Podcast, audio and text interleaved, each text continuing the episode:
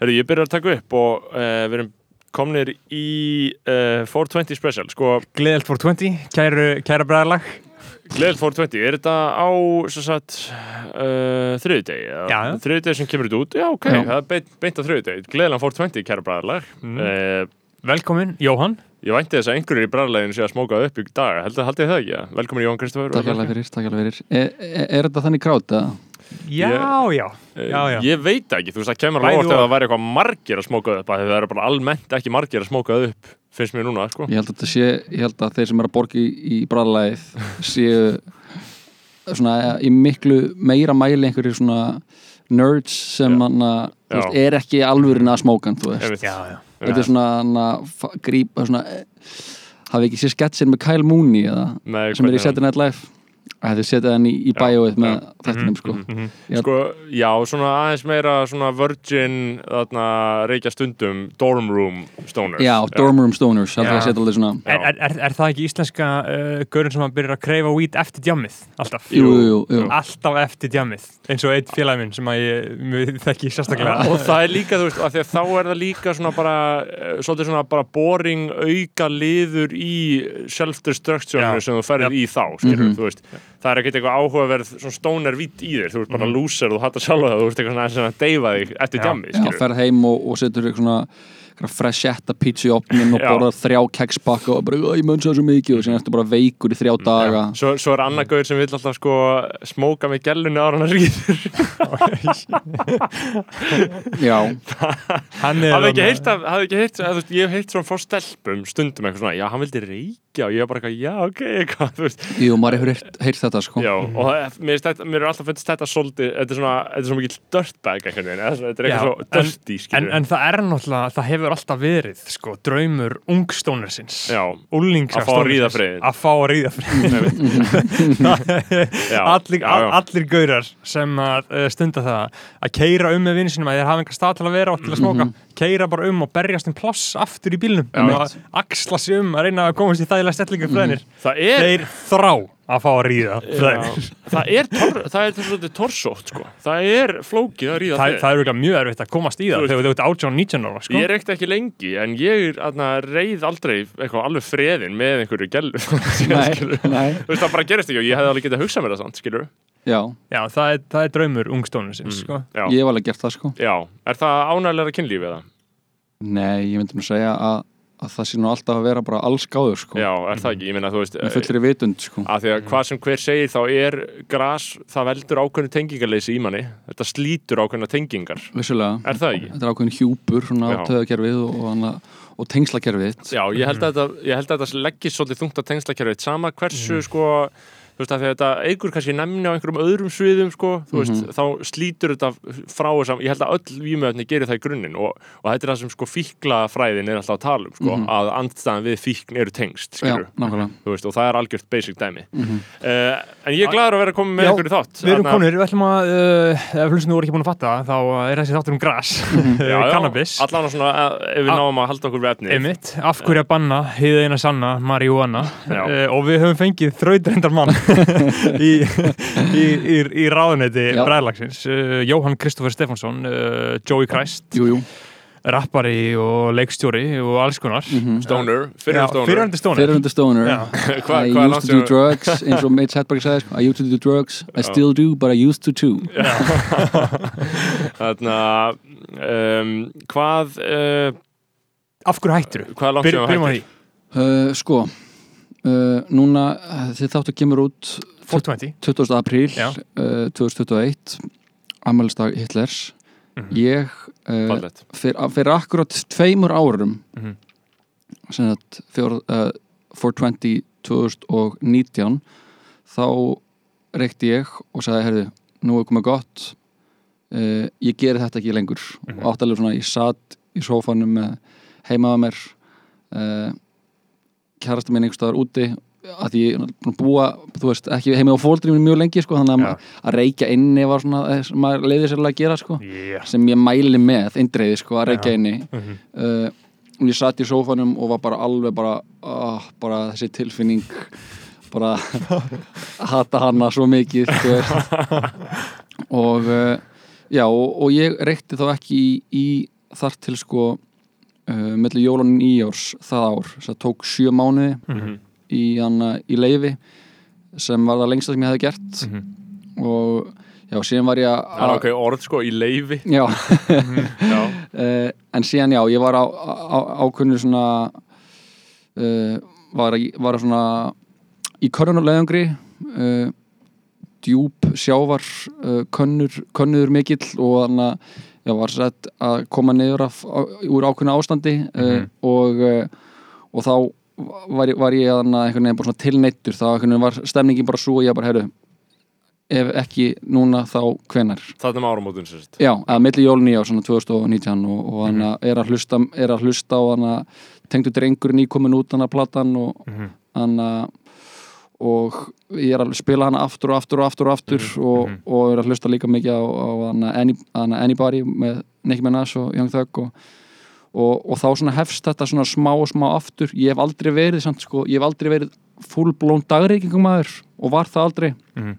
og ég hef aldrei, það var, neyslan mér var aldrei þannig sko að ég þurfti þú veist, það var ekki að ég bara svona var eitthvað heima, eitthvað creepin þú veist, að, að fara út og eitthvað laumast til að gera það. Varstu meira ekki, varstu ekki bara alltaf detta aftur og aftur í sukki einhvern veginn? Jú, ég er bara, ég er bara mikill social Já, smóker sko og, og bara dyrka að vera í stemningu ég dyrka, þú veist, að, að bjóða fólki til mín og, og bara sermóniun að rúla upp og, og þannig að, þú veist vefja og, og kveikja í og pass it around sko og þannig að og ég var í svona, þú veist, frá þannig að desember 2019 til, þanga til uh, í svona janúar februar 2020 þá var ég í svona einu svona tvisar í viku Mhm.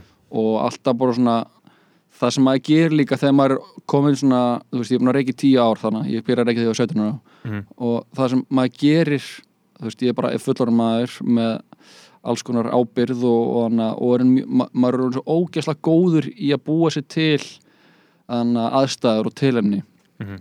þannig ég var alltaf svona þú veist, það var, maður var komið eitthvað vinni sinni í heimsókn, maður var eitthvað gæði eitthvað mynd sem maður var að horfa á og maður er bara, þú veist, maður býr til ég er bara svona kjúreitað eða svona, ég vissi bara ok, ég ger þetta einu sinni viku. Þannig að á þarna, þú veist, á mánudeginu var ég bara ok, á föstudag á lögadag, þá ætla ég að fá þannan hindi mín og þannan og ég ætla að kaupa þetta af þessum, bara vissi bara hvað stregin ég ætla bara að tala við hennan, ég ætla að fá hann að uh, þú veist, hvað sem það var eitthvað, eitthvað þú veist, meiri indigum maður Mhm.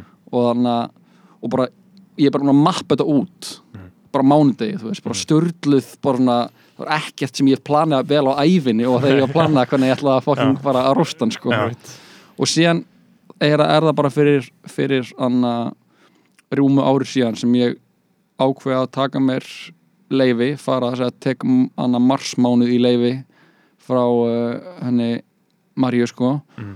og, og segja við þerapista minn hana Valdísi, sem er fíknifræðingur og guðfræðingur bara ótrúlega kona og segja við hana, heyrðu, þannig að ég, já, ég ætla í pásu núna í mars. Og það var sett hún segir bara, já ok, fari í pásu og hvað, og sjáðu hvað þú hana getur verið lengið. Þú veist bara byrja á mánuði og sjá hvort þú getur haldið áfram. Og hér er ég enn í pásu. Einmitt. Og hann og er bara mjánað með það sko. Og hann það er ekki búið að sækja á mig nein löngun sko. Nei, og svo eignaðist þú náttúrulega svona í mittiltíðin líka. Eignaði svon, já. Mhm. og það er líka einhvern veginn bara svona þú veist, það að reykja í tíu ár maður er einhvern veginn bara langt komin á þrýðusaldurinn þá er einhvern veginn þú veist, það er gæðið að vera 19 ára og Mhm. það er reykja hvít það er gæðið að vera ná, Verið í bíl og vilja ríða. Já, þú veist, að vera unglingi ég er alltaf valdið og til kæristara minnar í Hafnarfyrði eða leiðinni heim til mín úr vinnun á búlunni. Mhm. þú veist, ég lærði að smóka gegnum félagskap sem ég kynntist þar sko. Mm, á búlunni. Já, og þú veist, við erum að tala um það. Ég er, ég er, ég og Alman að byrja saman hann að ég er, þú veist, 17 ára 18 ára. Hún tekur strætó úr Hafnarfyrði heim til mín, ég er að klára vinnu í búl, á búlunni upp úr, þú veist, loka nýju við erum að loka til tíu. Hún fer heim til mín, er mætt tíu. Þannig að ég er á að vera svona sirka bát að detta heim þá uh, klukkan hálf tólf er ég að koma heim. Hún búin að sitja og býða eftir mér Mhm. í þú veist tvo og hálfan þrjá tíma. Og ég kem heim bara ógeðslega friðin bara hæ? Og hún bara þú veist ekki maður sita hann að býða eftir bara í þrjá og, og tíma. þarna, þarna komstu alveg alls ekki beint heim á vinnunni Nei, þannig var maður bara, þú Já. veist hann að hanga, Já, Mhm, Og- Slæpast slæpast og bara hann eitthvað að horfa eitthvað vídeo og bara, þú veist það er bara smók og vít og horfa á eitthvað fyndið Já, þú Skilur. veist, og bara eitthvað að grínast þú veist, Já. ég dýrkan alltaf bara að grínast og, og, það, og það er engin, tilf, engin tilfinning sem einhvern veginn, engin orð sem lýsa því að vera freðin unglingur sko. Mhm. en á þess að ég sé eitthvað er hann að sé að segja ykkur svona Kæra, kæra bræðlag kæral bæðalag þú veist, með þannig að set forvörn á þetta en ég var líka gamla bara, ég var hjá hann að nýjum gær ég er að einhverju nýju ferli með einhverju nýjum sálfræðingi sem ég var þannig að það finnst sko hann bauð mér hann var eitthvað, viltu fá eitthvað? Pepsi Max?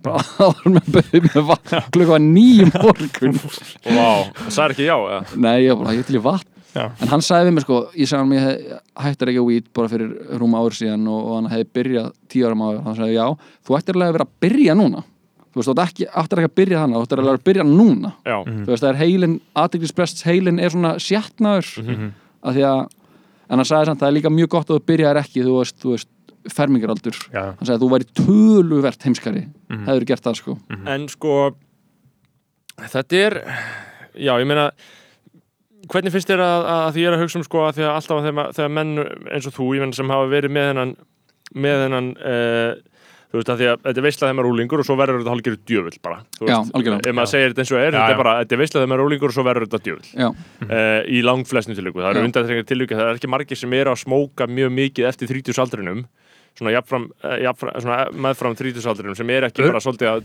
bara hata þetta ekki smá.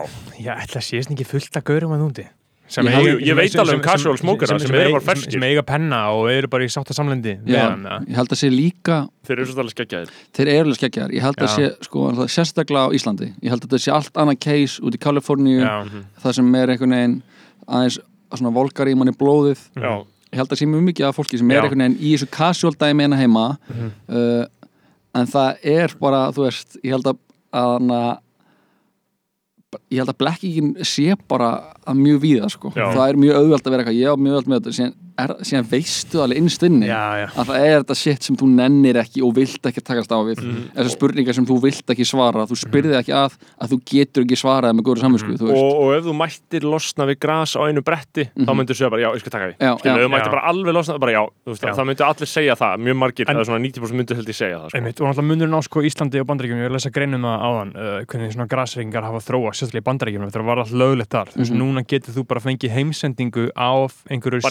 appi sér Bara hönnu löglegt. streyni prófa þitt fullkomna blöndu af THC, CBD getur prófað algjörlega áfram Mhm. það var raunin verið að lýsa því sko ferlun eins og sálfræðingur var að segja þér að byrja ekki að gras núna Já, já. hvernig á að gera það og finna þitt dæmi í því Mhm. þegar fyrir tíu árum þá bara hittir einhver gún á bílaplani Mhm. og kefti bara eitthvað mitt á hann alltaf, bara eitthvað og bara færð eitthvað, bara bara eitthvað, kusk. eitthvað spækað game kusk og Já, núna verður bara kvíðin verður bara fokking kvíðin Já. það er tilfinningi sem ég tengi langmestu gras það er bara kvíði. Já. og ég held, að- er það ekki sama hefur, er það ekki bara kvíði bara Jú, stóri ká rauninni sko triggeraði mitt, Já. minn kvíða. Einmitt, er annað þetta fína kusk. Mhm. uh, og það er náttúrulega bara eitthvað bílaplans kusk. Já, uh, hjá, hjá mér var það reyndar sko í Peru sem ég fekk svona rétt lett taugafall sko. Já. og hann eftir var að ferðast um Ameríku með Ameríku, kerði frá Mexiko til uh, Kolumbíu og síðan til Peru, eða þú veist, kerði til hana, þannig að flög náttúrulega við skurðin góða uh, en þá var ég búin að vera í rosalega ég var að hugsa, ég var að ferðast um hann þetta geðugasvæði þrjá mánuði og ég hugsa núna tilbaka og ég hugsa bara, vá, ég myndi fara hann aftur. Ég myndi gera þetta svo allt, allt, allt öðruvísi, Já. bara vini mínir vorum fjórir að ferðast voru ekki bara tóst af okkur heila? Ég bara, þú veist, vorum bara tveir í, voru svona aðeins lífsglæðari sem eru í hópnum og voru heyrðu, við ætlum að fara og hjóla hérna um, um, um hana Medellín, þú veist, í Mexiko, nei, Kolumbíu, bara skoða þessa geðega borg, vilja koma með við vorum nýbúin að hitta ykkur að svíja sem voru nýkomni frá hana Jamaica og voru að sína ykkur myndir ykkur að hassi. Og við bara, nei, við erum góður, ætlum að chilla henni upp á þakki bara, bara upp á þakki, bara að tóst okkur.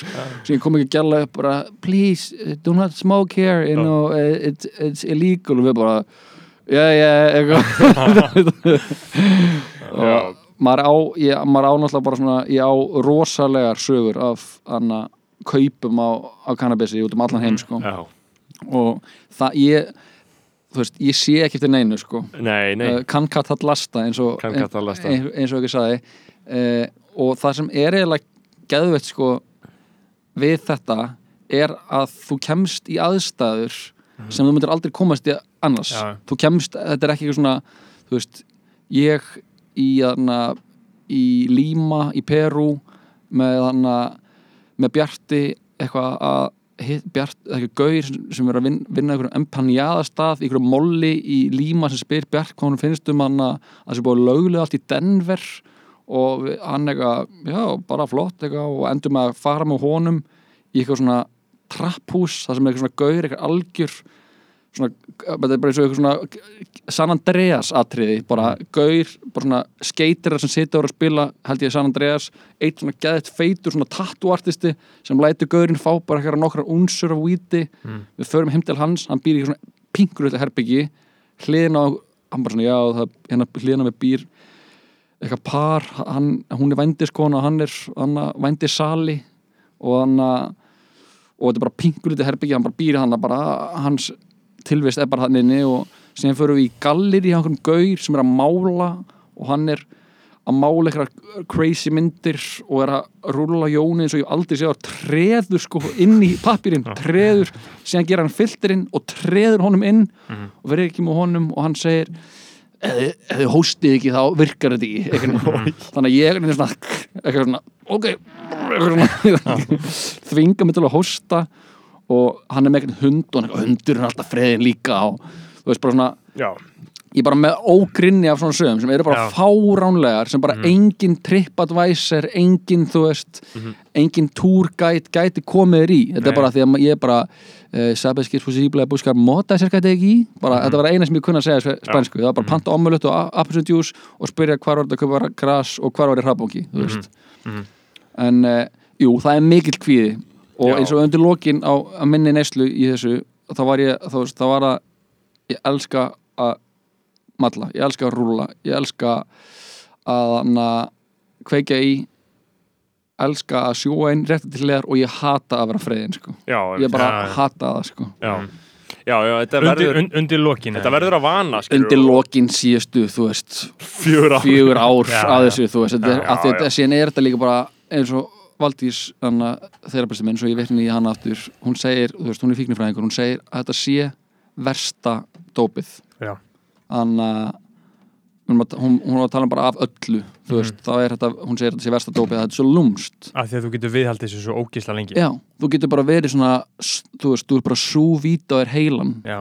og þú ert bara að gera í 20-30 ár, já, ég er ekki græs þú veist, Mhm. sem einhvern veginn bara svona rankar að vera, það er bara, að já ég er búin að gera það núna í 30 ár og ég er ennþá á sama stað og ég var þá Ég held að þetta bæli og aftri tilfinningarlegum þroska sko, sko, tilfinningarlegu þroski er eitthvað sem er ekkert mikið rætt um en það er samt eitthvað sem er bara alveg mikið þroski Já. og bara atvinnulegur þroski og félagslegu þroski og þetta er bara, þú veist, við erum ennþá allir að taka út mjög mikið tilfinningarlegan þroska á hverjum degi og ef þú ert held ég alltaf að reykja, ef þú ert alltaf að drekka, ef þú ert alltaf að fóða kóka en þú ert bara bókstala að setja bremsur á þetta já, Já. og þú verður eins og þess vegna er allt þetta fullan fólk til sem eru bara fucking imbeciles. Mhm. að það er bara búið að bæla sig og stoppa Já, sig alla já. æfi, skilur Já. og þess vegna er þau bara, ma maður horfður stundum að fullan fólk bara, hvernig getur þú verið svona, mm Mhm. fullalun skilur en það er bara vegna þess að það er, svo, það er svo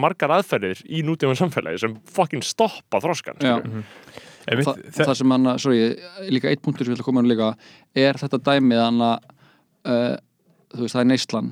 Já, þunnlína mellir neyslu og veyslu uh, já, Mhm. líka að það sem hann að í heyrðinsinni var sem er skæðið punktur að þú ert að neyta einhvers uh, þú ert að setja því eitthvað ástand þá ertu alltaf sko að neyta sjálfið þér um að vera þú sjálfur þú ert alltaf að, sko, að taka afstöðu gegn herru, ok, nú líður mér svona, ég er svona. Ég ætla að taka afstöðu gegn því að ég ætla ekki að vera svona frekar ætla að vera hinsegin. Ég ætla að vera frein, ég ætla að vera fullur ég ætla að vera, þú veist, Já, þú ert, ha- þú ert basically að hafna þér. Já. og það er svona í, í svona á svona löngu skeiða þegar þú ert, þú ert bara að taka kók eða þú ert á okkur pillum eða eitthvað þú ert svo fljótur að brenna allt sitt Mhm. þú ert bara allt í henni bara þú getur ekkert verið eitthvað brjálari kókaininslu í 20 ár nema þú sért bara eitthvað þú veist, Scott Storch eða eitthvað Já, já. ógeðslega ríkur og bara einhvern veginn með umhverfi sem einhvern veginn hjálpa st- og stiður það, þú veist Mhm. en þú getur við í lúmskri kannabisneislu í 20, 30, 40 ár og þá ertu svona yfir svona langan tíma að hafna sjálfum þér og ég held að það sé svona dæmi sem við einhvern veginn þú veist, það er ógeðslega mikið rætt um svona löglegingu og alls konar dót og ég er á því að það er að vera löglegt eins og bara eins og áfengi að vera löglegt. Eða þú veist, whatever eh, fucking spilakassanir eða það er endur þessi leiði til þess að fucking neðurlega sjálfan sig í þessu samfélagi og mér finnst þetta alveg bara vera legit leið og hver önnur þú Já, veist. sko ef maður reynir að leggja niður fyrir sér hvaða tilmælum maður myndi beina til ungs manns eða ungra konu, ég meina konur svo er það önnur umræða, þetta er bara ekki vandamál hjá konur, þú veist, það er bara bókstala ekki svo að maður sjá það, þú veist Ég held auðvitað að- það er þetta algengar en maður heldur ég sko. held að það sé klárlega en maður bara sér það ekki og líka þegar við þessum gaurar sjáum ekki vandamál stelpna Nei. við sjáum allt bara í geim fucking raskat að okkur og, og út af því að weed kemur svo rosalega, weed kultúr bara cannabis culture, kemur svo Mhm. rosalega mikið úr popkultúrnum Mhm. og það er að tala um Seth Rogen og það er að tala um Wiz Khalifa og það er að tala Snoop Dogg og Já. alla rapparana og allt þetta og það engin gella skilur, Nei, nei, það, ég- það, ég- er, það ekki er fer en nú þú veist að núna er, er það alveg maður er alveg með við erum komið með svona prominent fígúrir í rap hjá, þú veist, þú en veist, er, eru, eru Megan Thee Stallion og Cardi B eitthvað að smóka? þú veist, já, þetta já. smókaður, en eru það að tala um það allan dag Rihanna náttúrulega Já, Rihanna, já, já. reppar þetta skilur Já. en þú veist, það er, það er engin Wiz Khalifa skilur á Nei. konurliðin en bjótið heilan, heilan fyrir út úr því að reykja græs sko, Pælíkan hefur steift mörgum ungum köllmönnum út í misli en, en eins og segi, skilur, maður þarf að, þú veist, þetta er fín lína um það hvað maður myndi segja, ég myndi segja, þú veist svona heiðarlega, eða þess að bara svona hreinskynneslega, bara, þú veist, ef þú getur, slettu svo bara alveg, skilur, ég, þú ert ekki að missa neinu, ekki neinu raunverulegu, myndi ég segja ef þú ert að smóka, þú veist, þá ertu bara eitthvað að smóka, en ég, þú veist, ég held að það sé ekki margir sem er að hlusta á þátt sem eru endilega að smóka eitthvað mjög mikið, þannig að það sé eitthvað vandamál Ég myndi samt alveg segja prófa þau, þú ert svona týtur sko. Já, ég held, ég held að fucking- allt í lagi að prófa þegar maður er í sítur sko. Alveg bara er svo að prófa að fara í fallega stökk að fara, já. þú veist, að bara prófa sem flest þú veist, en, en ánýtjast sem fæstu Já. já, já.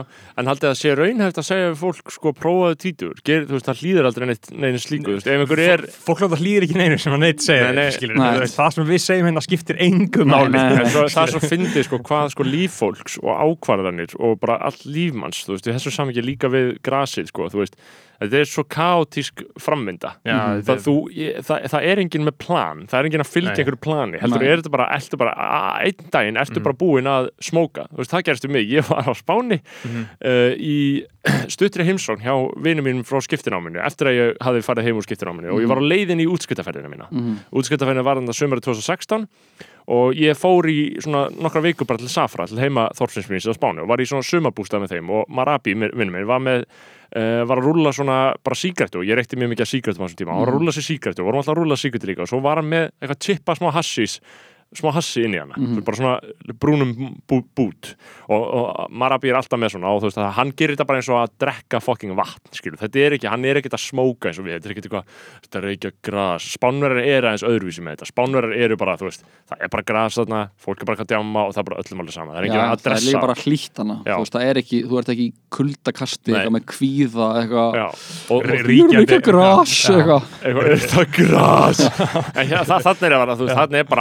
ekki það, er það bara, það hass Já, það er enginn að tala um það. Fólk er slagt og ríkjandi hugarástandi er ekki skegg og kvíði. Nei, og þarna skilur að því að allir vinni mínir þarna reykja það reykja allir weed, þannig séð þess að spáni og en það er aldrei, þú veist, ég hef eiginlega aldrei haft samræður um það, það er bara svona alveg non-issue skilur, það er það er bara leiðilegar samræður skilur, ok, og hann er reykja og síðan allt í einu er ég bara eitthvað búin að prófa það, eitthvað, prófa, það kemur bara eitthvað í mann. Bara, ég bara, eitthvað, bara testa þetta skilur Mhm. og svo f- leið mér eitthvað svolítið funny skilur, og fór bara eitthvað að sofa Mhm. en þú veist, þa- þarna var náttúrulega minn, minn, minn he hel stígur by- byrjaður í tengslu við þetta ógeðslega lúsari efni sko. en sko ég var bara að reyna að varpa ljósa á því hvað þetta er sko tilvíðanlega kjent Já, og, og, og, og ráðin til unga fólksins, þú veist, geðið bara, þú veist Já, já, en ég meina sko, auðvitað reyni, ég er bara að reyna að vera eitthvað svona remotely ábyrgur, skilur og, og, og, og, og því sko lengur sem að hægt er að fresta þessu því betra sko. Já. ég held að það sé með allt Já, Með ég, áfengi líka. ég held sko að það sem ég hef svona sagt við þannig að einhvern veginn fólk sem hefur leitað til mín varðandi einhver, einhvers konar neslu Mhm. er bara að meðan þú getur ekki þú veist, að þar til þú getur skemmtir fullkomlega allskáður þá átt ekki að gera neitt annað eða þú veist, Nei. ef þú getur ekki fara á djami eins og bara allir pretty much allir já, já. annað, þú veist, ég, að því ég djam hef, drekk ekki, hef aldrei drukkið uh, og var alveg vissulega oft friðan á djaminu en ég hef alltaf skemmt með langmest því allskáður Ég er búin að vera þrjú ár að reyna að læra þetta sko, að að skemmta mér alls góður sko. Já, er ekki alveg komin á sko. Ég, ég skemmti mér ekki, en ég er á leiðinu sko. af því að við erum skilirt til þess að vera anna bælt og skammast okkar og síðan dettu við í það þá einhvern veginn losnar um hömlunar þú veist, af því að mér finnst áfengi alveg vond Mér verra verra heldur en Fimmfalt verra já, sko. og ef við tölum um eitthvað svona ábyrð bara eitthvað svona Wiz Khalifa er búin að búa til hana, Mhm. þú veist, hera af einhverjum gaunisleiki weed en bara, D- íslensk, DJOD en bara íslenskt bara pop tónlist frá bara einhverjum árum til einhvers ára bara þú veist, 2000 hana, bara Já, snýrist allt um snýrist allt um að vera fullur Já. og hana, eins og, og Erpur sagði að allir sem voru, að- öll rappbörni mín eru edru Já. allir sem hlustuð á mig eru búin að fyrir meðferð og edru í dag. Já. og allir sem hlustuð á Írafár og Jónsæ svörtum fötum eru að sökka dikk í sandgerði fyrir pólskan dexa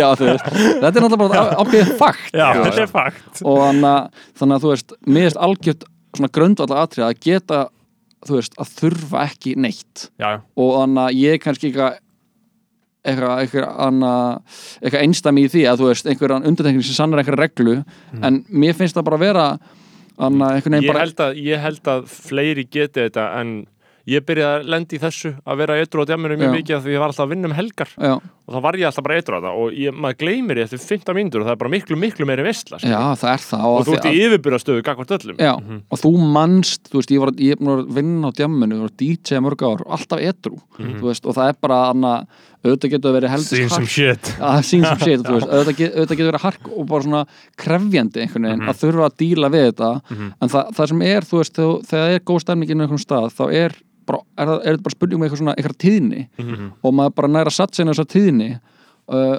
hvort sem maður, er, þú veist, ef maður er edru þá, þá er það alveg mikið vestla ef maður er fullur, þú veist, eða, eða hvað annað sko. Já, algjörlega og, og um, já, einmitt þannig að ef maður, ef við erum að slaufa þessu með ráðin til fólks, ég meina eins og segi, við segjum ekki neinu hvað er að gera Nei. en ég, mér finnst samt bara algjörlega tilhengið til að segja það getur haft hræðilegar afleðingar fyrir þig og byrjar að reykja grasmjúngur það, Það- getur það- algjörlega eðilegt lífið og það, það er bara Það- eitthvað sem ég vil alltaf segja. Já, Já. og, og, Og það- það er bara- ég, ég, ég er samanlót því það er kannski aðeins au- auðveldara og léttara fyrir grasnislu og spærala en áfengisnislu Já, algjörlega. Og ég hef séð fjölmörg dæmi. Og, það, og þetta er óafturkræfi skadi Og- í sumum tilugum þannig að það er bara svona eitthvað til þess að að því, þetta, að. því þetta er Dave, þetta er bara svo gjörsum brjáluð bæling Já, sem að fælst í þessu. Sko, þegar ég var undirbúin fyrir þátt að þetta er náttúrulega 420 hérna, Mhm. og, og við, við hefum ekki bara að tala illum gras nei, á nei, nei, nei, nei, nei, nei. Uh, fólk er að fagna þessum, þessari jurt. Já. uh, Ég ég fór- Við séum nýr á Östuvelli okkar menn? Að hvað heitir hann Homegrown Örvar Örvar. Arrow Spear. Örvar Verður, heldur, að, heldur að þau verður ekki á 420 heldur að þau séu ég veit það það ekki, en ég, ég, ég heyrði uh, að Dominos verði með 50% afslátt af Blaze Jú, en ætla ekki að auglýsa það er Ok. kongalegt Já, þetta, þetta var mér sagt í gyminu uh, í, í gær sko. Og þarna ég var að, þegar ég var að undirbúin fyrir þátt að því að við erum podcast sem undirbýr málin Mhm. uh, Já. þá fór ég á tímarit.is og reyndi að finna elstu dæmi um uh, umfjöllun um cannabis og Mhm. marihuana í íslensku dablu Mhm. og það er náttúrulega mjög áhugaðan að niðurstöður við fáum hérna lesbók morgunblæs frá 1938 sem sýnist vera sko fyrsta dæmið um þetta allavega svo eitthvað sé þannig að sé, sé eitthvað almennilega sagt uh, þetta er 1938 það er ekki talað um Vá. cannabis Fyrir heldur, heldur Vá. marihuana. Uh, og við erum að tala um alveg fyrir fucking ógæðslega lengur það var svo mitt sko, það var að reykja ekkert mitt það sko. Fólk er nýskrið úr hellunum sko. og, og þetta er bara svona stutt þetta er bara svona stutt fréttaskeiti inn, í, inn á síðu á, í mokkanum og þetta er sérst fyrirsagnir, þetta er bara svona dálkur þetta er ný hættuleg eiturnaut eh, og þetta hefst svona vart hefur orðið við nýja stórhættulega eiturnautni í Englandi sem ekki er vitað að hafi verið notuð í Evrópu áður Notkun þessara eiturnautnar komst upp með þeim hætti að þrýr strókumenn úr enska hernum sem höfðu farið rupplandi og rænandi um landið voru handtæknir eftir bardaga við lauruglumenn frá Scotland Yard. Í réttarhöldunum kom í ljós að fóristumadur þessara þryggja strókumanna, Andrew Wonderberg, var forfallin til eiturnautnar marihuana sígrettunar. King Marihuana sígrettur eru vel þekktar í Ameríku undir nafninu Reefer sígrettur og hafa þráfaldlega komið við sögu glæpamála þar vestra undanfærin ár. Uh, Reefer sígrettur fluttust í uppavill bandarækjana frá Mexiko eða Suður Ameríku. Áhrif þeirra eru lík og af kókaini. Mönnum sem reykja þær finnst þeir verða hæfir til alls og að þeim líði vel. Einnig hverfa allar þreytu tilfinningar á meðan menn eru undir áhrifum eitursins. Ég verð að halda áfram sko, finnst ykkur ekki gott? Jú, þetta er mjög gott Það voru jazz hljómleikamenn sem fyrstir fluttu þetta eitur til bandarækjana. Rífer sígretturnar lífguðu upp á þá við næturvinnu þeirra í reikfylltum næturklubum. Rífer hljómsveitir fengu brátt orð fyrir hver þær voru skemmtilegar og úthaldsgóðar. Eftir köst þessa eiturs eru þau sömu og af kókaini. Algjör eyðilegging á taugum og siðferðilegu sálarþreki. Í kjölfar nautnarinnar komu morð, sjálfsmorð og alls konar glæpir. Lörglan í mörgum löndum Evrópu er nú að rannsaka hvort nautn þessi muni vera orðin útbreytt í, útbreytt í Evrópu eins og kókain eða hassis var fyrir tíu árum eða hvort aðeins erum að ræða einstök tilfelli. Þetta er heldur góð fyrsta frétt. Er Já. hvít óholt Þú varst að lesa svo væri táningafræðarinn sko. Já, þarna, Ég hef sko líka, ég hef þannig uh, einhvern veginn því ég var að ég horfði að myndina Hereditary Já, hræðileg mynd. episk mynd, þannig að við svo myndið það snorri með hvað myndir það? Þetta er hann, hann Ari Aster sem gerir síðan Midsommar mynd sem kemur út hvað 2016, 17 Á- Átján. 18 Já. uh, og Ógíslega mynd. óvíslega mynd, þetta er hittlísmynd uh, mælu með henni. Og í henni sko er verið að kalla fram einhverja djöfla. Og, og það er verið að nota eitthvað svona the, the Great Key of Solomon. Og ég fór ekki að geða mikið að pæla sko í hann að djöfladýrkun. Og hóra eitthvað heimildamind um, um djöfladýrkundir í bandaríkjunum.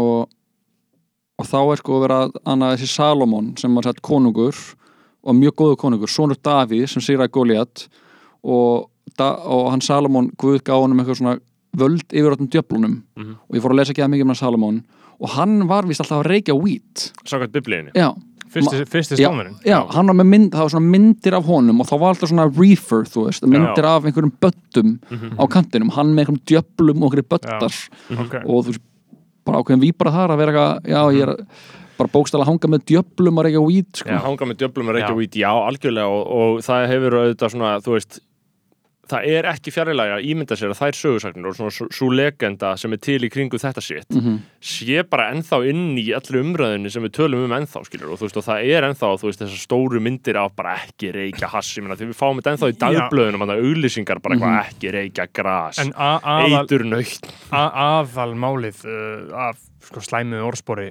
grassins, sérstaklega í bandaríkinum hjá einhverjum búmurum og fleirum, það er Mhm. náttúrulega bara rasismin sem að uh, fylgi út af því að svarti maðurinn eins og hann sagði aðna í greininni að það voru just tónlistamenn sem, Já, að, sem að voru með að þá, sko. Mhm. og þú veist, það voru, það var svart fólk og það voru Mexikóar sem að reyktu grassið. Mhm. og þá væntalega var þetta gert ólöglegt og síðan hippanir síðan meir og þá var það aftur, þú veist Sko það sem gerist hér á landi líklega er að, uh, þú veist, cannabis er bara óverulegt fyrirbæri þangað til svona 1960 plus. Ég held að það sé ekki fyrir enn á sjönda áratögnum sem bara eitthvað verð, einhvers verður vart í þessum efnum hér á og þá landi. var það hass, eða ekki Jú, er hass. stuðmenn voru smoka hassið Já. Já.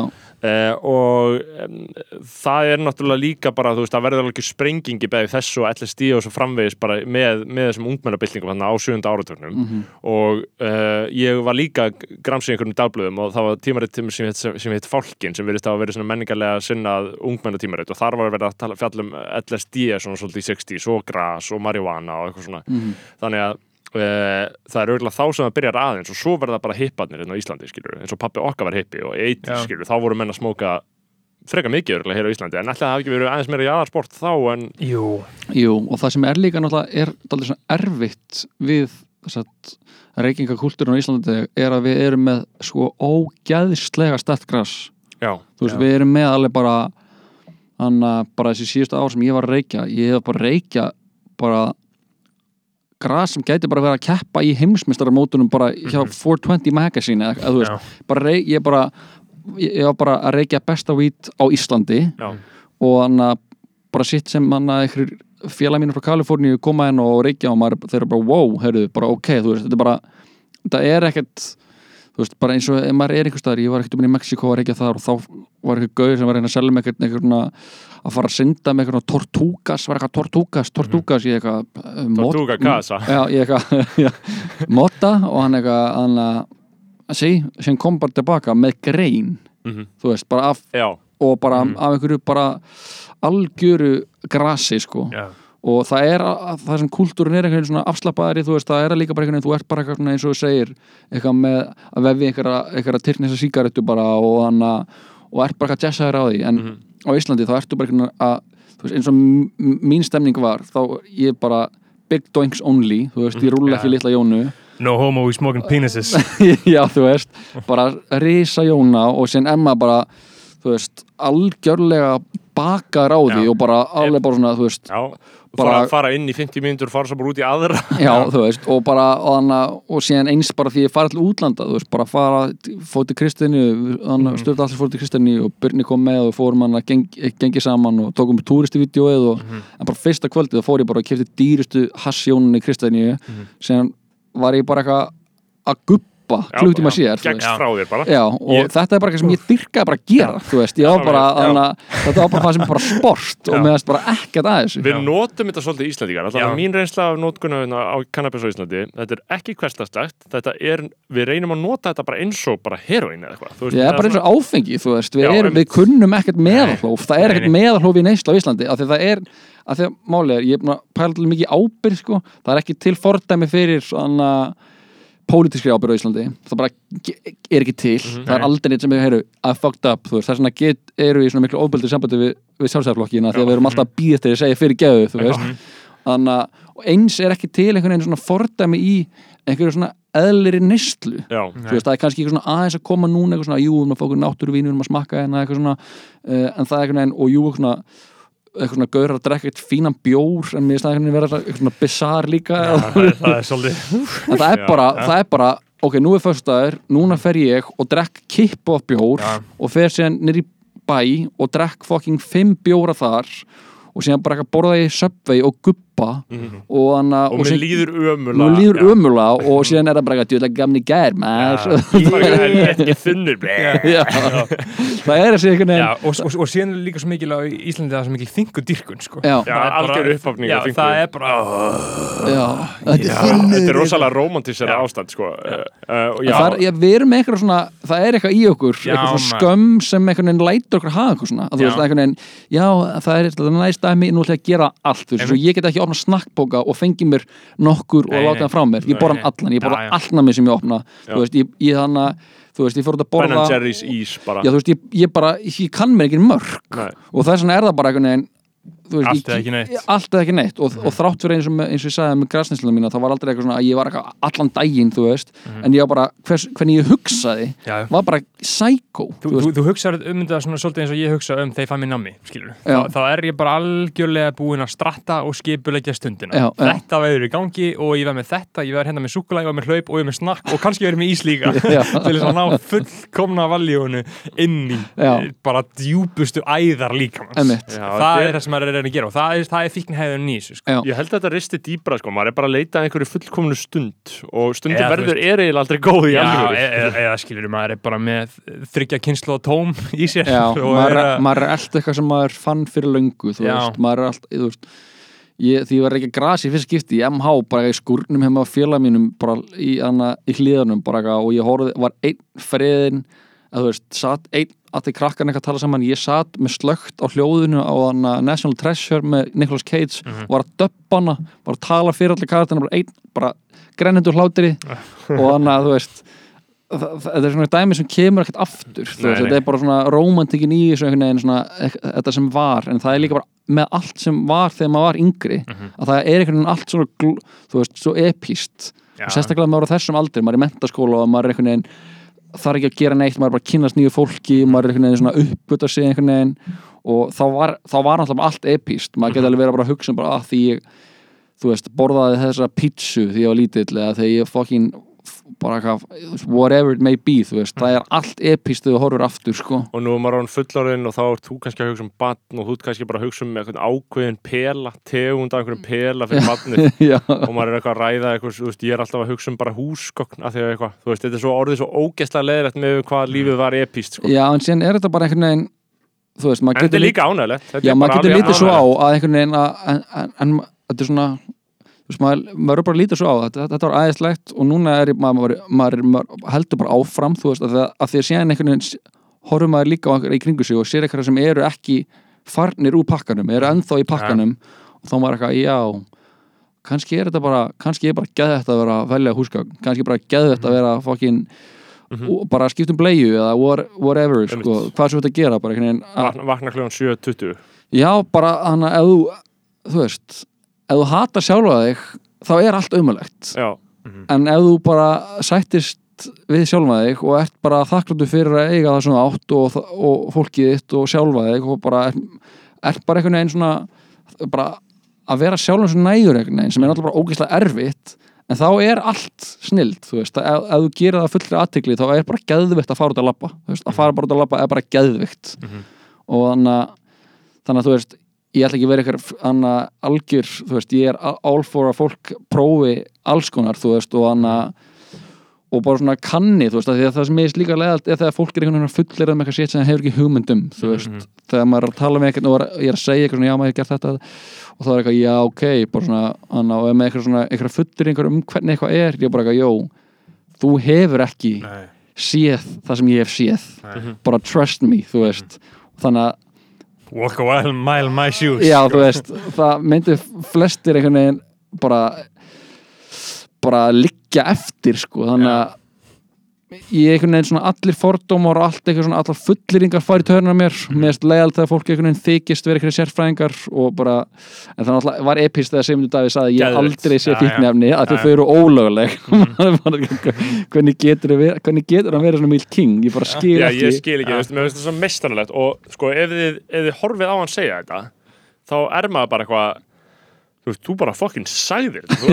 þú ert bara og og hann meinar þetta hver einstu sögur Hann Hald- meinar hald- þetta, sé ekki improv hjá honum eða? heldur það hafi verið tilbúin punktur og hann hafi mætt upp með hann? Ég, ég held að hann sé bara svolítið impulsaður Já, ég held að hann sé, ég vona hann sé að winga þetta sko. Já, ég held það sko. Uh, eins og Trumparinn. og, og, og, og, sí- og síðan er maður alltaf búin að sjá á Twitter fólk tala um bara, já, ég hef heldur aldrei þessi eitthluf Ég held nefnilega að þetta sé alveg rétt sem hann að segja. ég, ég mun aldrei gleyma því þegar einhver tók kókain fyrir fram með fyrsta sinn. Nei. ég var bara þetta var bara það rosalega sem ég sé Mhm. bara þegar ég sá æskuðin minn nota kreditkort til þess að krassa niður kókain og síðan tók hann 500 kall og sniffaði allt. Já, og ég var bara, þetta, ég var bara svona eftir mig sko.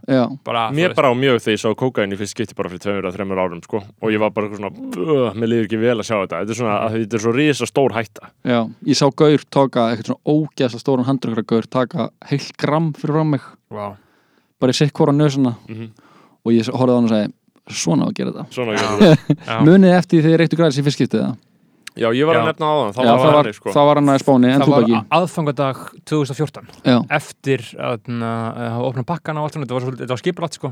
Var, na, ég var sko, ég var 19 ára þannig að þú veist, ég var bara orðin ágætlega gammal sko. Ok. Og þetta Ég var líka bara- 19 ára Já, og þetta var bara mjög svona skipulaði glæpur sko. Mhm. uh, og ég bara, ok, já, það er komið að því að ég ætla að smóka stóran Mhm. í kvöld mm uh, og það var ekkert sérlega skemmtilegt sko, eða, þú veist, ég, við borðum einhverja kökur og gaurinn sem að baka þar feilaði ólíuna, það eru Já, eru já. tveir gaurar bara já. og restin fann ekki neitt skilur, það dreifðist ekki um allt sko, en Þannig, þetta feilaði, veist, ég, ég fann eitthvað smá en ekkert almennilega, sko. Uh, en síðan alltaf var Ég ég... hefði getað, þú veist, þú hefði getað talað við, þú getið talað við mig, þú komið til að segja við mig, við erum að fara hérna, þú veist, það er eiginlega engin reykt á þér, við erum að fara að gera svona edibles. Mm. Ég bara, já, ok, þetta mun feila. Þetta er þið að fara að gera, þetta mun feila. Það er bara alveg 100% Og- og- garantí. Og þetta feilaði, sko. Já. En síðan fór ég svona að fikra mig smátt smátt áfram, sko, og síðan var ég í smá grasnislu, sko, uh, sumari 2015, sko. Mhm, Það vorum við alveg... Var það efrist þetta sumarið? eða? Já, þegar við vorum bara, þú veist, bara þegar ég var bara hunting my own skin. the golden days Já. Þannig að... All or nothing days Já, sumari 2015, einn heima allt sumarið. Mamma og pappi voru einhverjum í útlandum allt sumarið. oh, Var bara með húsið allt, allt sumarið. Ég fekk þetta aldrei sko, Já. að vera einn heima eitthvað ég var bara einn heima heilt sumar, vann bara bara með vinið mínum, skilur við, Mhm. við alltaf vöknum, bara byrjum að vinna klukkan tvö um dag, skilur og vorum eitthvað fram að kvöld, skilur og gerðum ekki neitt. Vorum alltaf með eitthvað Snapchat að reyna að stækka það. Já, já, Bara alltaf að fá frítt að borða. já, alltaf að fá frýtt að borða ekki eitthvað Snapchat. Og vorum alltaf bara að taka um eitthvað sketsja Mhm. og síðan var alltaf að skera, skila á eitthvað þætti vikulega. Og vorum alltaf að spila, vorum í sko djúbri grasnislu, eða ekki djúbri en jú, einhverju grasnislu, en vorum líka alltaf að spila Hearthstone, töluleikin Já, þannig að lífið snýrist rosalega mikið um þetta tvent sko. Hversu fyrirlítlegt það sem ekki veist bara besta sumar lífsmið hversu fyrirlítlegt og, og það sem við vorum alltaf að gera, við vorum alltaf að nota grassis til þess að skrifa sketsja já, já, við vorum alltaf bara að fara, fara í handverkshúsið. Úf, fara í handverkshúsið sem að na, uh, pappi eins uh, eitthvað, við höfum einhvern afgang að uh, skrifstofu þarna, uh, ég, veit ekki hvað ég mátti segja skil- já, máli. Og, þarna, bara, og við vorum alltaf sko að uh, taka sleggjur. Já, það sem að þú gerir bjóst til svona semi-kíl í fötu Já. en bjóst til flösku, gerir tvö gött á hana og smókaðir og rippaðir og þókst þið bara risastóra já, já, einmitt fokkastu meir upp á því en bara einhverjum velur jónu já, Já. Eða, þú veist, þetta er bara svona eins og að, að fá nokkur lítilhögg eða bara fá fokkin Já. bara na, og, og, og á þessum tímabili var líka góð verið minn að selja kannabisefni Mhm. þannig að það var uh, nóg til að uh, aðgengið var mjög auðvelt en þetta var alltaf bara á kvöldin uh, þegar við vorum að skrifa sketsjana Mhm. og síðan vöknu alltaf Gústi var hann alltaf að klippa fokkin kongurinn eins hann smókaði Nei. þannig að við vorum eitthvað algjörð baggage á hann já. Mér Og- fannst geðið fest þegar maður byrjaði síðan að smóka daginn sko, fara í sund, fá sér Joe með Já. Pé- Pétur Já. Kjarnar já, Joe, sund, weed, það var veistla já, sko. bíja um kvöldi Já, bíum kvöldið ég mann því reytti fyrir skiptið, það var á Klambratunni og hann að ég fann ekkert sko, ég fór með tveimur vinnum mínum sko á priki og maður teikna uh, það, það, það var því reytti fyrir skiptið sko Hvað er það að vera gammal? 16-17 eða? já, já, þetta Já. var hann að sumarið að- fyrir svona, fyrir annar ár Mhm. uh, eða vorið, þú veist, að klára, klára fyrsta ár og hann uh, og líka, þú veist, þegar ég hætti núna fyrir rúma ári síðan, þá hann uh, hafði vin minn fallið frá sem ég reykti fyrstskipti með mm. og þannig að ég hafði svona séð hann algjörlega spíralast uh, einhvern veginn út, þú veist, þessi neysla sem byrjaði sem eitthvað svona hverstaslega dæmi, þú veist, Mhm. hafði algjörlega bara spíralast og hann að bara orðið að einhverju miklu stærra og alvarlegra, þú veist, og bara hans svona andlega veikindi höfðu komið í ljós og, og ég hugsaði líka einhvern veginn svona, hann í fyrra, ég hugsaði bara ef, ef ég er einhvern veginn að býða eftir einhvern svona merki að einhver sé að hann að eitthvað stærra afl sé að segja við mig, jó, herru, þetta ég komið gott eða Mhm. og bara að missa vinsinn sem þú gerir þetta í fyrstskipti með var ekki það, þá var ég bara ok, þá, þá er ég trúleysingi, þú veist, ef ég tek ekki marka á þessu Mhm. þannig að það spilaði líka alveg inn í sko og já, ég, þú veist allt er gott í, er gott í hófi sko Mhm. og þannig að mér veist algjörlega að, að fólk geti alveg prófa þetta eins og að prófa að drekka eða prófa, þú veist að, spila bridge eða Já, já, og prófa, þú veist, MDMA já, bara þú veist að, að allan að ef maður ætlar að vera að tjá sig eitthvað um þetta þá, þú veist, eins og Sigmund Daði segi ég hef Já. aldrei séð þetta og ég trú honum að því ég held Já. að sé alveg til hettingur fólki sem hafi aldrei séð fíknefni en hefur verið sko ógeðslega ölvað Mhm. og hefur kannski séð eitthvað en man ekki eftir því Já, já. sko, Og og, og, auðvitað sko máli er að það sem ég svo fyndi við allt svona allt tákmáli í kringum þetta fíklar og fíkla samfélag það hefur verið að gera rannsóknar á því tungumáli sem myndast innan, innan svona samfélag bæðið til að tala um fíklina í kaltæni Mhm. til þess að gera upp við sig bæðið til að tala um veist, það myndast rosalega kreatív ný, nýsköpun í tungumálinu í kringum weed, bara eins og allir vita sem reykja það, bara, það eru á hver, í hverju viku eru komin einhverju nýjir, Já. nýjir kóðar Já, skilur um já, það bara og bara öll fíknefni þú veist, Já, þetta já. bara Já, þú veist, það, það, þetta var alltaf bara, já, já, fara heim og sleggja okkur. Já, Þekkja já, og það var alltaf, við vorum alltaf að tala um atna, tónleika með jeggvan það var alltaf út af færiskum veist, þetta var svona enda laust af einhverju svona rosalega bara, þú veist, Já. tónleikar í bakkaranum í kvöld, þú veist, þetta er alltaf eitthvað svona shit. Og það er rosalega nýskömmur í því en, en sko, byrju, hvað var ég, var ég ekki að segja eitthvað? Hva, ég var að reyna að komast ekkert og vorum að tala um uh, Sigmund Davíð og Já, einmitt. Það að, að fólk þekki það ekki? Já, þegar fólk hefur ekki séð þetta Mhm. þá er það vegna þess að þú veist, þú hefur aldrei gert neitt þá skilur bara ekkert í kóðanum Nei. þá er kóðin bara eitthvað eitthva gibberish Mhm. Já. þannig að þú veist, þannig fer kókain fram hjá mér og, Mhm. og margir sem nota kókain og eru að nota kókain sjá strax þegar verða að nota kókain mm Mhm, mhm. og sjá strax þegar einhverju gaurar fara að fá sér kókain en ég er alltaf bara, hann fór bara að bað skilur, já, já, já, ég bara- líka verið þarna bara Já. verið algjörlega blifið alveg bláið allir mikið að fara að pissa Já, eitthvað, og- og- og mikið ég- að pissa og ég meiri þess að þú veist, þegar ég hugsa svona, þegar ég er að reyna sjálfur að vera voða klára og reyna að að að mm. ég alltaf á þeirri hlið að ég hugsa, nei, það getur ekki verið hann er bara að fara að pissa, skilur, og það er einmitt rosalega fyndið að því að þessuna, að, að því leiti þá trúi ég líka fólki sem segir, einmitt, ég hef ekki séð þetta, Mhm. bara, þau hafa þau sjá þetta ekki, þau skil ekki, skil ekki menninguna sem er í gangi fyrir framan augunum á- Þetta er bara number 23 sko. Veist, Það er ekki að leita munsturinn og sér það ekki sko. Sigmundur Daví hefur verið í 130.000 partíum þar sem menn er að fucking móki Já, sko, það er bara engin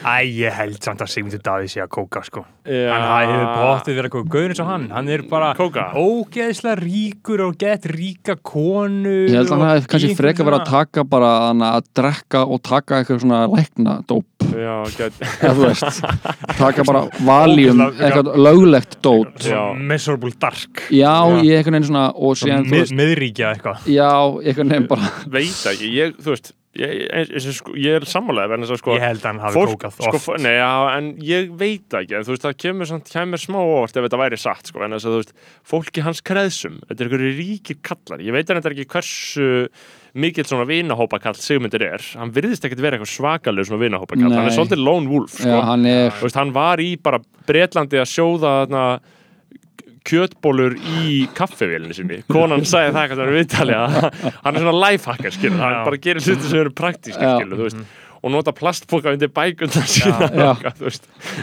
Já, hann, hann er Já. lone wolf sko já, hann er svolítið lone wolf uh, sko, við, við hefum tíu mínútur eftir uh, Já, þannig að cannabis, við erum búin að komast, komast að, að ímsveina, það er al- al- alls konar leiðir til þess að taka kannabisi Það er það. Jónunar, svo er þetta. CBD að koma inn núna. Já, Já, sko, þegar ég átti heima na, ég rekti líka svolítið mikið þegar ég átti heima út í London síðast árum mitt, ár skeggsins, 2017 sko, Mhm. þegar maður var stór skeggjar sko, þú veist, þegar bara þegar ég náði náttúrulega botni í lífi mínu hana, haustið 2017 sko, já, svona um, um það leiti, hafði farið eins og ég og þú veist tala um aðan um Kristjaníu sko, ég, ég fór hangað aðna, uh, páskana 2017 sko, uh, fekk svona Snapchat memories af mynda mér Mhm. frá því aðna, Varstu rángaður eða? uh, frá, frá, frá því það sem að ég er uh, 20 kílóm á þungur. Haldandi á jónu og hérna, vansæll á svip var það svo lesið stóri í, í gæra já, já, já Mér svo lítið bara vel út sko Já, þú kannski horta á hana í stutt sko. Ég, ég, ég, ég, var, náttúrulega- ég var svo góð fytufélari sko. Ég var bara genius. Já, Ég var CEO at fytufél Ég var bara með Þú sko. ættir að standa ráðgjástofu Já, og kemur fólk til þín og þú bara eitthvað, já, heyrðu, sjá hvað við getum gert með þetta. sko, ég myndi mæla með hettbeisum og anorak. Það er góð já, til þess að fela fytu ég var einmitt í henni í myndinni sko. já, einmitt, ég posta, sá það sko. Já, ég, ég setti myndaverðin í Close Friends uh, að reykja þessi jónu, já, og það er svona náðum að svolítið botni, en síðan var það sko uh, þeir fluttu til London þannig að um uh, sé eftir því, en það er bara svo það er Já, já. skilur, bjóða hana bara einhver blokk og það voru svo mikið gra grassölum alltaf úti í, á blokkinu, Mhm. ég gæti bara lappa út og keft grass sko, Mhm. og keft þess að sko uh, það verið gerða margar heimildamindir um þetta, bara breska skunkin Mhm. bara London skunkin, The Roadman Skunk Mhm. hann er bara stór hættur hann er bara, þú veist, þetta er að valda bara sjálfsmorðum og bara geðsjúkdómum Já. og þetta er bara stór hættur En spæsið, kemur það ekki frá jú, Bröldi? jú, þetta er allt krydda með spæs Já, Já, þetta kryddað með og ég spæsið meina það hafi verið bara gerðið bara, bara svona græm, hei, þú veist, Jammer, BBK var að gera heimildamönd um þetta og tók viðtölu JME og skepta og þú veist, það Mhm. er bara svona rosalega campaign gegn þessum Já, og ég var að reykja þetta uh, úti Varstu einn að smóka oft Já. var ég einn sko, að- rippa bongið sko. og keitt mér, mér bong á Amazon sko. Uh, og, það Ah, var, það var þarna, það var í svona það var review sko, þetta var í comedically small bong uh, og ég ætti að það var bara pínu lítið sko. Já, það er samt betra, ég meina þessi stóru bongar eru bara fyrir sjó, sko. já, þeir, eru það sko. Ég einu svona átti, þú veist, ég var að vinna með gauður á búlunni, ég átti geðveikt kvöld einu svona, það sem við fórum heim til, eitthvað, eftir vinnu, fórum heim til hans í breiðoltið, hann átti risatórbóng, fylltu á klökum, Úf, klakabong. Klakabóng, bara tók fucking huge nokkra hausa. Og síðan bara kom með kókupöfsir mig og ég læðist upp í sofa og horf Bill Hicks uppistand og bara borða og bara guð góður, bara there is a god. Já. og síðan var hann eitthvað síðan fórum við nýr í bæ. Síðan fór ég, þú veist, á kaffibarinn. Og þannig að var eitthvað það bara, þú veist, að það er sem að fyndi líka einhvern veginn að fara, þú veist, eins og ég var að færi fiskit á djammi, ég komst geðið seint inn á djammi af því ég, lít, ég get ennþá nátt að barna með í strætó, veist, já, 28 ára gamall. Uh, því ég komst aldrei á Karamba sem, þú veist, vinni mínir voru allir að vinna og Já. bróður minn að vinna og en einu sinni fór ég þangað að geða freðin í hlýraból með bakpoka mér og sólglir og va- man ekki eftir að hafa verið þar eitthvað svona, mm. geða þetta eitthvað bakaður. En síðan líka eins og þessi þannig edibles, þú veist. Þau geta alveg svona gert dagamunn sko og þau eru alveg svona smá hættuleg. Eins og fyrir nokkrum árum þá voru Stórhættur þú veist, ekkert hvað það er að að fá mikið þú veist. Já, eins og einhvern tímann fyrir nokkrum árum þá voru að allir vinnur okkar að borða konfektmóla súkulega Já, ég man súkulæði eftir þeim, mólanir maður, já, já. og þeir voru algjörlega þú veist, þetta var algjör svona veist, rúsnesku rúlega já, rúsnesk ófyrirsjónlegt en mér erst alveg gaman, þú veist, eins og ég var að fara því ég var í listafaskólum, þá fóru alltaf í svona ferð einu svona ári, öll sviðslistadeildin fór til Akureyrar og, anna, og það var bara ég og Bjartur Ára Móla og við vorum bara fokkin bara fokkin þú veist, það var svo fyndið ekki að fara allir saman og svona gaman Ég sé- ég, ég sé ykkur alla fyrir mér sko að peppa pepp ykkur í gang svona fjórum vikum áður en þetta byrjar þá eru þið byrjaðir að skipulegja grasið og sapna því og bara tjekka þetta sem Já. ykkur. þið hittist þú veist áður en ferðin á sér stað þá hittist til að skoða grasið sem þið eru að fara að reykja og bökuðum, Já. bökuðum köku Já, og þannig að við eigum myndir af þessu öllu og þannig að ég komið með eitthvað ógæðislega fokkin stanking weed já, og vorum bara eitthvað í kóju herbyggi með nokkrum þú veist og þannig að Sigur Andriðan félagi minn þannig að dansari var með okkur í herbyggi og þannig að og ég var eitthvað svona, hann var ekki komin á herbyggi ég var eitthvað, fokk það er ógeðslega mikið lykt að þessu. Þannig að hvað get ég gert? Og ég, og smikluðu þessu til akkurar Já, já, við kerum bara þannig að og ég og ég er með harðfisk póka þannig að ég er einu svona í einhverju svona uh, hugsunarleysi að ég, ég skil bara eftir smá rífu á harðfiskpókanum síðan eitthvað kemur andri inn í herbyggju og var eitthvað hvaða lykt er þetta? Og það var svona ógeðslega sterk harðfisklykt í bland við ógeðslega sterk að illa. En bara svona að vera bara eitthvað að fara á hann þú veist, fórum alltaf í leikús þú veist, ég fó- fór eitthvað á hann lýsi undralandi, eitthvað mm. barnasýningu sem eitthvað, kollegamanns voru að leikstir á sína og ég er glöðan þrjú að degi, að degi til og maður er bara að borða hasköku og maður er bara eitthvað, eftir að fór ég í leikstir og bara, guður, þetta var geðveikt. Og ég er bara grenjandi og hlátri. Man alltaf sko, það er það sem ég hef kunnað meta við grasi er að það vissulega skapa nýja sína hlutina. Þannig að ef maður er friðin að horfa á eitthvað þá er maður að sjá nýja hlíðar þær eru oft heimskulegar sko. En, en ég, um, ég gleymi alltaf sko. Ég, man, þú veist, Ég- ég, á, ég á minningar það sem ég er að smóka eða, fucking friðin að horfa á eitthvað og ég, mér finnst það svo magnaða meðan það er í gangi sko. Mhm. bara eitthvað, þú veist, Ég eitthvað mjög basic bíómyndir sko Ég man alltaf eftir sem að samveglega vinnun okkar sagði sko að þú veist að, að þegar kemur ný Rick and Morty serja skilur, þá horfum við að ná hana fyrst ógeðslega friðin Já. til þess að geta horta á hana aftur, aftur og munni ekki til, til eftir þess að muni ekki neitt sko. sko það sem er málið þarna, með líka þessu talum sko, þegar maður fer frá einhverju svona einhverju, einhverju smóksessjoni yfir á djammið sko. Mhm. það var alveg mjög frekar algengt í svona mínum kreðsum á einhverju tímumbúti það var alltaf verið að smóka mjög mikið en það, var, það voru alltaf alltaf á djamminu það skilur, var bara að ná góðu transitioni byrja að en- smóka klukkan en það er vand með farið þú veist, þú gast átt, þú veist, þú gast ef þú gerir þetta rétt, þá gast átt frábært síðdegi á kvöld og Já. svo epist djamkvöld Já, en þú þurftir samt að leifa þessu svolítið að sí- síga af þér almennilega áður en þú byrjar að drekka vel Já, náttúrulega af því að annars, ekki þannig að ég gæti ekki verið að gera þetta annars sko. endaði maður inn í einhverju svona algjöru bil beggja þar sem maður var bara Já, alveg já. heimskur það er bara gæti ekki komið frá þessu setningu það er bara fræga uh, uh, fræga ljóðið uh, beer before grass, you're on your ass uh, weed before beer, you're in the clear. Sem er bara er, er bara það sem ég lifði alltaf eftir. Geggja að ná transitionu, vera geðvitt freðin klukkan 5, já, borða síðan það kvöldmat frábært byrja að fá sér bjór og bjór og bjór og síðan vera orðin blindfullur og komin á bryggja klukkan 1 Já, Mhm. það er alveg fullkomið sko. Já. en það er, það er samt, það er, það er heroic að ná góðu já, já, þetta var van- vand með farið sko menn voru miskóður í sko Já, Já. síðan En- líka bara, þú veist, eins og svona hátíðir með þess alltaf, þú veist, ég var ofta í eitthvað svona vinkona mín að sjá um baks við eitthvað tónlistarhátíðin á Íslandi og þá var ég að hjálpa henni að retta og einhvern komað fyrir að við, við hann að gá, þegar skepta var á Airwaves gáfu honum svona geða mikið að styrla allt smörgi og hún og ég hafði veist að retta úti fyrir hana fyrir hann fyrir um daginn Mhm. sem kemur og þannig að Sigga þannig að ég var búin að segja hvað hann heitir þannig að segir eitthvað svona gefur um kassan í baksviðinu fyrir um daginn á soundcheckinu. En að, herru, hann, það er gauðra sem vilja gefa þér dagina. Hann bara, á, geðast, eitthvað þeir eru raunin fyrir aftan og vil segja hæ. Þá, þá kemur bara skepta inn og við sittum bara hann eitthvað og hann bara eitthvað, bara yo man, eitthvað, þakkar okkur fyrir bara skep, yo, it's skep, Mhm. eitthvað og við bara eitthvað, bara í gersamlega losti, þú veist, Já. og þannig að og síðan er hann eitthvað, do you smoke, spyr mig. Og ég bara, no. Og þá kellir hreins eitthvað ég held að hann setja um weed. Og ég eitthvað uh, weed, yes, yes, yes, yes. og þá gefur hann mér eitt stykki sem ég hafði rettað þú veist fyrir um daginn. What, what goes around comes around. Án grín sko, þannig að þú veist þetta hefur alveg svona maður, ég hef alveg svona, þú veist kom, ég hef komist, ég, ég verða að vera þakkláttu fyrir allar það Já, aðstæður sem ég hef aðstæðurnar. komist Já. í, af því það er hægt líka sýtti sem bara, en maður hefur maður ekki séð kynnist líka þetta sem ekki að Kings Já, ég kynst svo mikið að leið, ég séð svo mikið að sem engin myndan, sem eða séð. Sem Sigmundur Davíð mun aldrei sjá veist, og bara eitthvað að hitta hitta eitthvað, eitthvað góða homies á djammunu fór til Jónu, kynnast einhverjum þar Mhm. þú veist, Mhm. því ég náttúrulega ekki þannig ég er ekki að kynnast einhvern veginn svona gegnum það, þú veist, Nei, svona, gegnum eitthvað áfengisneislu og pældu í því, þú veist, bara einmitt þannig að maður sláði botnin í þetta uh, pældu að vera svona fokkin leðilegur að vilja bara eins og Sigmundur Davíð að bara kaltæðinslaust bara banna þetta, þetta er ólögt og halda það virki. Já.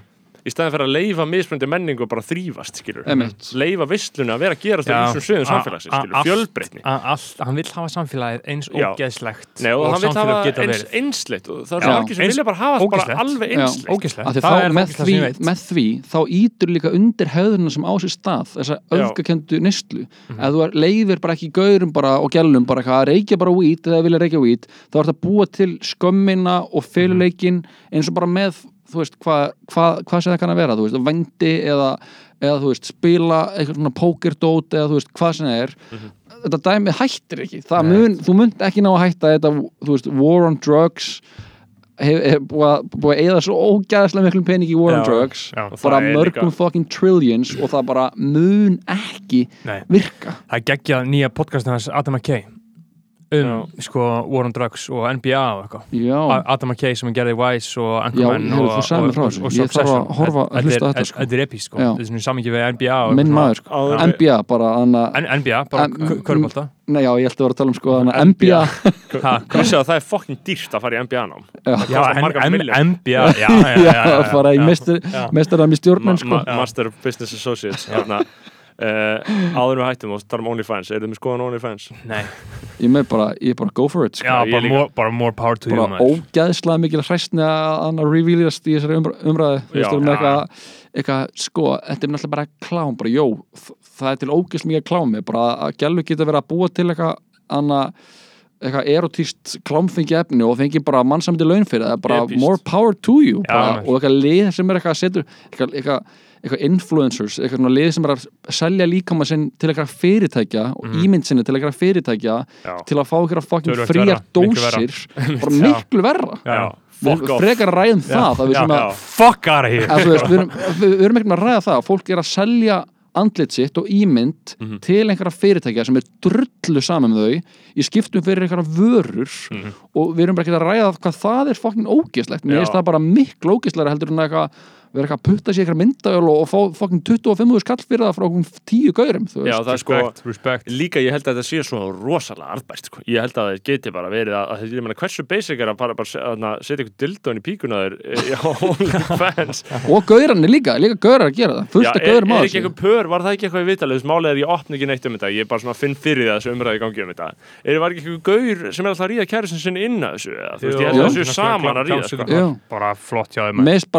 sem er alltaf að þessu þessu er skipta sér að þessu og segja þetta sér eitthvað slæmt þetta er bara að fá sér feitan í haus og Já. bara grjót halda kjafti sko. Já, bara tróð dildó upp í já, sko.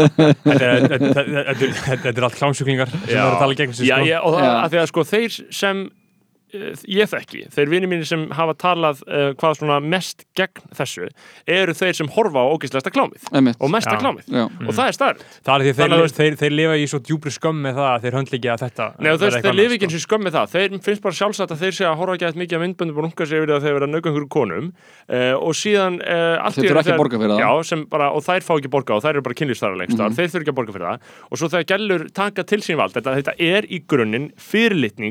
Mhm. Að það og til er er grunninn alltaf held ég, þetta grundast alltaf á því að þú bara fucking hatar konur. Já. Það, það er eitthvað nýtt í okkar samfélagi. Já, Ég ég hef ekki heyrt Það það er og, og allt annað, þú veist, uh, hvernig svo nær að setja það fram, það er bara önnur saga. Mm. Uh, takk hjá fyrir komuna, Jói, Já, bara takk fyrir að fá mig. Og ég, kæri takk. stónurs. Já, takk fyrir hann á vislu þátt Já, Jóhann, eh, gleðilegan dag, kæru stónir Já. Já. nær og fjær. Gangið hægt um gleðina dyr Já, og Það er kannski ekki í dag, en aðra dag, ég meina, í dag er 420 þau geta gert það sem þau vilja Já, já. Já, það er bara smoke up sko. Þið þurfa að enda þetta á einhverju góðu Þannig að Wiz Khalifa lagi Nei, sko. gaur, við, Já, þú veist, sko, við erum alltaf að lenda ykkur fangin vandræðum núna með Já, en við, get, við getum alveg spilað Stoners Night Part 2 af Blue Dream and Lean með Juicy J sko. það, Við getum alveg spilað það sko. Það er, það, það er Það er uppátt verið að taka þetta út af Patreon Já, við höfum verið að í ekki Patreon, af heldur bara- bara sko, að Anchor. Spotify er eitthvað Já. Þeir eru búin að já. delíta og hrifsa að mér þættina með Bent, skittunum og Sturl Atlas Já, Þeir eru á- ekki til á Angor, tóku út á Angor mm. Hvað er það eitthvað svona database? Já, já, já, það, já, það, er svona podcast veitan sko. Oh Já. man Já, ég er að vinna í þessu núna. Kannski er þetta fint að elga, ég veit það ekki Stoners Night Part 2, man. Jæja. Free the Weed maður Stand trippy. DJ Scream. Hold up, man. Hold up, man. Juicy J from Taylor Gang. Phantom, rolling dang. Creek alone, I know it stank. Light it up and hold a drink. Hit the club, blowing bang. Say you is, but I know you ain't. Getting money, no you ain't. Never. Rolling Cali green in the zigzag paper. Uh-huh. Smoking on the back porch, who the damn neighbors? Scooby. Looking for a chick who just wanna have fun. Oh. Let her hit the joint and put love on her tongue. Inhale, exhale, go to jail, I'm posting bail. Yep. Dream, I know it well. Yep. So much green, I'm growing sales. Yep. Ounces on ounces, my Kaneki got the deal. And he give me nothing but they illest stoners night for She real. rollin' weed and she don't even smoke, even smoke. She rollin' weed and she don't even smoke, even smoke. She rollin' weed and she don't even smoke, even smoke. She rollin' weed and she don't even smoke, even smoke. She rollin' weed and she Hey, don't Will, you even tryna bring me two joints in here? She rollin' weed and she don't even smoke. Even smoke. You already know what it is, man. Young trippy ass nigga. Uh, young Wiz. People call me Young Wiz. Roll up 20 zigzags out of one zip. Nigga smoke zags over blunts. Better blunt smoker smell what's in my bag. He gon' wanna hit. Since a young nigga, I was getting lit. Riding in my black Bonneville, bumping 3-6. Serving no seeds, nigga, no sticks. Used to be the one rolling weed from my whole clique. Now I'm buying weed on some grown shit. When I say grown, I'm talking about the man who grows it. Looking at my ring, look like I froze it. I'm smoking good in here, so everybody knows it. She rollin' weed and she don't even smoke, even smoke. She rollin' weed and she don't even I'm high as smoke, even smoke. She rollin' weed and she don't even smoke, even smoke. She rollin' weed and she don't even smoke, even smoke. She rollin' weed and she don't even smoke. Even smoke. She rollin' weed and she don't even smoke. Even smoke. Even smoke. Even smoke. DJ Scream, nigga. Heavy in the street. I'm riding with my top back, my bitch drunk, I'm smoking weed. You know. I don't know if they for real, but she got double D's. Damn. Hand me two cups, you got a double D. Yes, sir. I don't put it on if it ain't double G. Ho. In the Rolls Royce, chiefin' on the trippy stick. Get high. I'm about to transform, take her home and give her dick. Trippy, trippy, man. I'm a specialist. No doctor. If I let you hit the vape, then you a special chick. Keith in the joint, I've been saving up. I'm about to buy a jet.